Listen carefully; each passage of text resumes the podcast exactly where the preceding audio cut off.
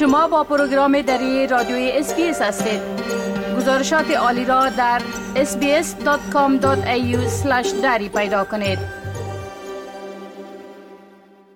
شنونده های عزیز گزارش ها نشان میده که پایین آمدن قیمت خانه ها و املاک ماه گذشته در بسیاری از شهرها و مناطق استرالیا ادامه داشت. و متخصصین میگن که در حالی که بانک مرکزی استرالیا به بلند بردن نرخ سود ادامه میته قیمت خانه ها بیشتر کاهش خواهد یافت. اکنون آقای بشیر احمد کشتیار مدیر سابق یکی از شعبات یک بانک عمده مهمان برنامه ما هستند. تا درباره مسیر جوری نرخ خانه ها و مساکن و همچنان درباره نرخ کرایه کردن خانه ها توضیحات بتن آقای کشتیار باز هم به برنامه دری رادیوی اس خوش آمدین. خب طبق گزارش هایی که از جانب سازمان ها و مؤسسات درگیر در کار و فعالیت مرتبط به خرید و فروش املاک نشر شده پایین آمدن نرخ خانه ها و منازل رهایشی در ماه جولای باز هم در بسیاری از مناطق استرالیا ادامه یافت. بله؟ و می‌تونین بگوین که در قیمت خانه ها و منازل در یک سال گذشته تا پایان پایان ماه جولای چی تغییر در سراسر استرالیا به وجود آمده؟ تشکر شکیب صاحب سلام با شما از طریق شما و همه شنوندای عزیز خود سلام میرسانم. دقیق شکیب صاحب همونطور که شما فرمودین مسیر نزولی را تعیین می‌کنه. قیمت های خانه در سر استرالیا. در ماه جولای در سطح ملی یک سه فیصد قیمت مساکن پایین آمد از خانه ها و در ربع دوم سال دو فیصد پایین آمد. البته اگر ما در دوازده ماه گذشته در نظر بگیریم قیمت اوسط یک خانه در سطح ملی سرتاسری استرالیا قیمت اوسطش افلک 47812 هزار دلار میشه. و اگر ما در یک سال گذشته 12 ماه را در نظر بگیریم تا 3 جولای قیمت خانه 8 فیصد بالا رفته به صورت عمومی. درست. خب می‌تونین بگوین که وضعیت در نرخ خانه ها در هر یک از شهرهای عمده و مراکز اطرافی و روستایی از چی قرار بود گفتم این شکلی گرچه بعضی از شهرهای عمده کاهش قابل ملاحظه را تجربه کردن اما در چند شهر دیگه هنوز هم قیمت ها بلند رفت ولی این افزایش زیاد چشمگیر نبود بله؟ بسیار دقیق و دو شهر که افزایش صورت گرفته با که شما گفتین که چشمگیر نبود یکی ادلید است و یکی داروین.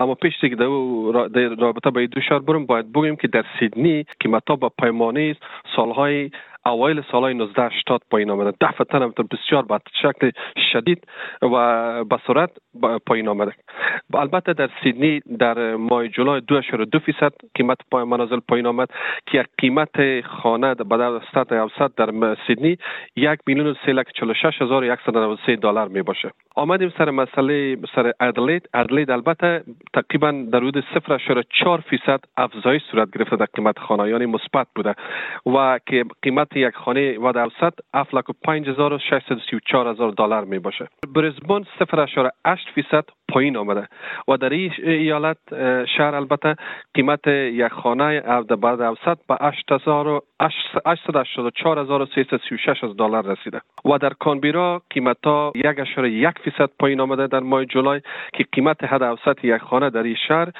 به یک میلیون و هفت هزار و دوازده هزار دلار می‌رسه و میایم سر داروین که قبلا گفتیم که شما هم اشاره داشتین.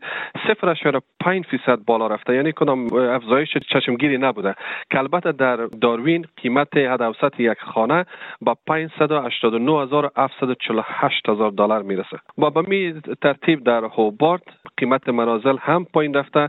با یک اشاره 5 فیصد که قیمت اوسط یک خانه در اینجا در این شهر افلکو یا 782748 هزار دلار می باشه. و در ملبون همچنان یک اشاره 5 فیصد سیر نزولی داشته که قیمت اوسط یک خانه در این شهر 964950 دلار و به می ترتیب پرت قیمت خانه صفر دو فیصد افزایش یافته که بازم چیز نیست. قابل ملاحظه نیست. و در پرت قیمت ید اوسط یک خانه یا منزل 587224 دلار گفته شده. بله. خب طبق ارقام نشر شده قیمت منازل کرایی هم در بسیاری از شهرها در ماه جولای بلند رفت. بله؟ بله دقیق.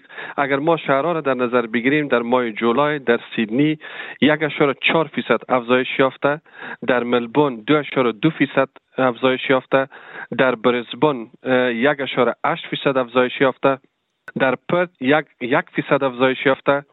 ولی در ادلید یک فیصد پایین آمده که یک خبر خوش است و در هوبارت اش تغییر صورت نگرفته و در همچنان در داروین منفی یعنی ببخشید دو فیصد پایین آمده.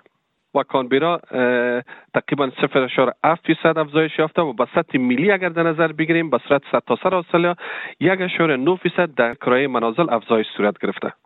بله. خب در حالی که پیش بینی میشه که بانک مرکزی باز هم نرخ سود بلند خواد برد این کار حتما باز هم بر قیمت خانه ها تاثیر منفی خواد داشت. می‌تونین بگوین که باز پرداخت تا حالی که در چند ماه متواتر نرخ سود بلند رفته به چی اندازه بالا رفته؟ تشکر. شکیب در ماه جولای افزایش که صورت گرفت. در قیمت در بازپرداخت یک قرضه 500 هزار دلاری 140 دلار. در قرضه 750 از 50 هزار دلاری 211 دلار. و در قرضه یک میلیون دلاری 281 دلار.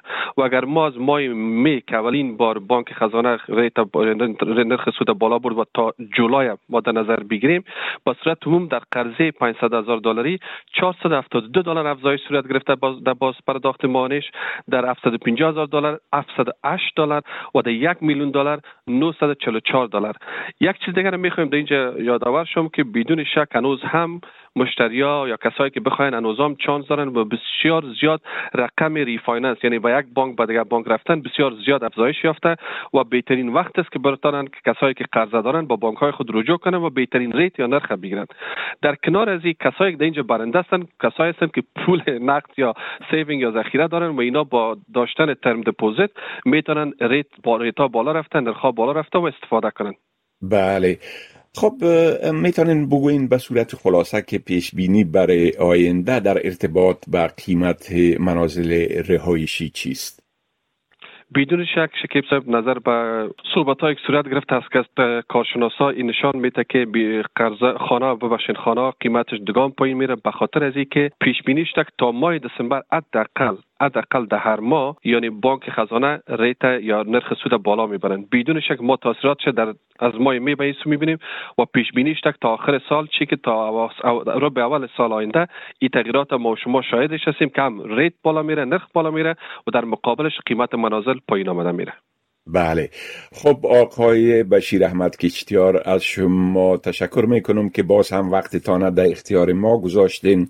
تا درباره وضعیت بازار مسکن و املاک و اثرات بلند رفتن نرخ سود بر بازار املاک معلومات بتین و برتان موفقیت آرزو می کنم تشکر سلامت باشید می خواهید این گونه گزارش ها را بیشتر بشنوید؟